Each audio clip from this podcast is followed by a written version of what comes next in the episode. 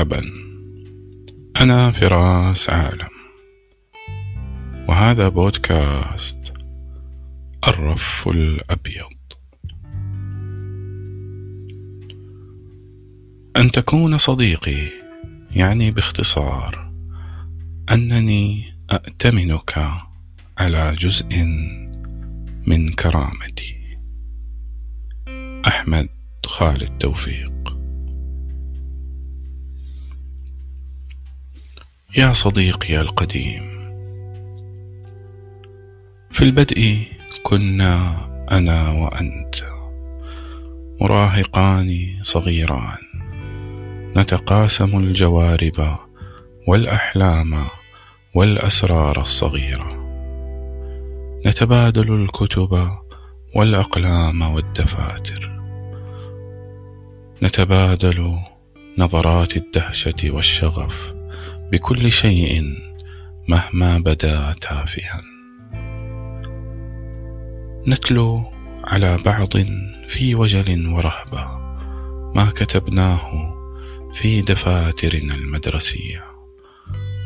أقرأ لك بصوت مبحوح لا يخلو من ارتجاف وتنصت وفي عينيك وميض شارد. تغيب في صمتك بعد أن أنتهي. ثم ترد بغمغمة لا أعرف شجنها. لتقول رائع.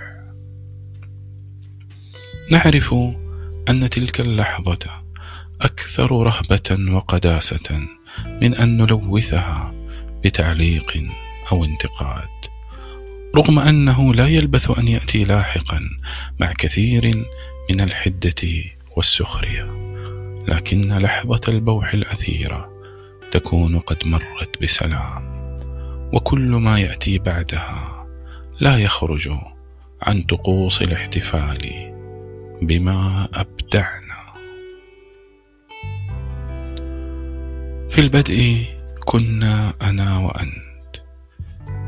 يعذبنا مزيج المشاعر المتضاربة من الطموح الجامع والرهبة الخانقة مما سيأتي غدا من الإقبال على الحياة والخوف من أن تحجم عنا من التقدير المبالغ فيه لأنفسنا والوجل من أن تمر الأيام ولا يلاحظنا أحد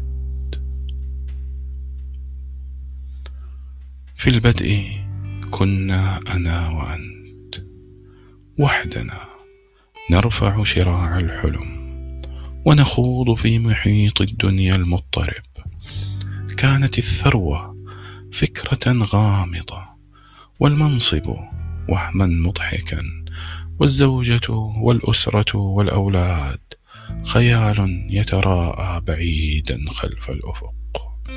وحده الحلم كان الحقيقة الحقيقة التي تقاسمناها أنا وأنت قبل أن تحاصرنا كل تلك الأوهام. في البدء كنا أنا وأنت ثم أصبحنا أنا وأنت وهم وهؤلاء وأولئك وكلهم تلاشت القصص والحكايا ورجفة الصوت المبحوح وكلمة رائع التي يكسوها الشجن. أصبحت هناك مصطلحات أخرى وكلمات أخرى فرضها الواقع الجديد. أصبحت صاحب السعادة المنشغلة على الدوام بالعمل والأسرة واللجان والمؤتمرات وما عدت تذكر شيئا عن تلك الحديقة الصغيرة التي زرعنا فيها بذور الأسرار والحكايا وتعاهدنا أن يرعاها كل واحد منا بماء القلب وشعاع الود الذي ظننا أنه باق للأبد. يا صديقي القديم أعلم أن الموج قد يعلو وأن القارب قد يضل طريقه. أعلم أنني لست أفضل رفيق في الكون وأنت كذلك فبعيوبي وتناقضاتك وغضبك وعنادي وعصبيتك وفوضويتي تشكلت صداقتنا واكتسبت لونها ومذاقها الفريد. أعرف يقينا أن لحظات ضعفك ولحظات إحباطي ولحظات خصامنا وثورتنا على صخبها كانت أكثر صحة لصداقتنا من حائط صمت قد يحول بين صوتي وسمعك. يا صديقي القديم لعلك تذكر قول الشريف الرضي في وده لصديقه الذي جفاه هي الكف مض تركها بعد دائها وإن قطعت شانت ذراعا ومعصما.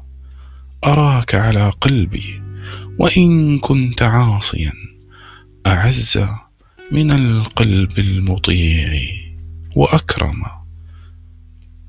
حملتك حمل العين لج بها القذى. لا تنجلي يوما ولا تبلغ العمى. يا صديقي القديم إنني لا أرجو من صداقتنا شيئا للدنيا. فأنا أعلم أن كل جبال الوهم زائلة. وأن الثروة والمنصب والأولاد سيغادروننا قريبا. وسنعود كما كنا في البدء. نجلس على شاطئ الذكريات ونبحث عن الأصدقاء الذين رحلوا في غفلة منا. فقط أرجوك أن تذكرني هناك وأن تبحث عني إذا دخلت الجنة ولتشفع لي إن لم أكن معك لأصحبك فذلك رجائي الوحيد الباقي من صداقتنا. طابت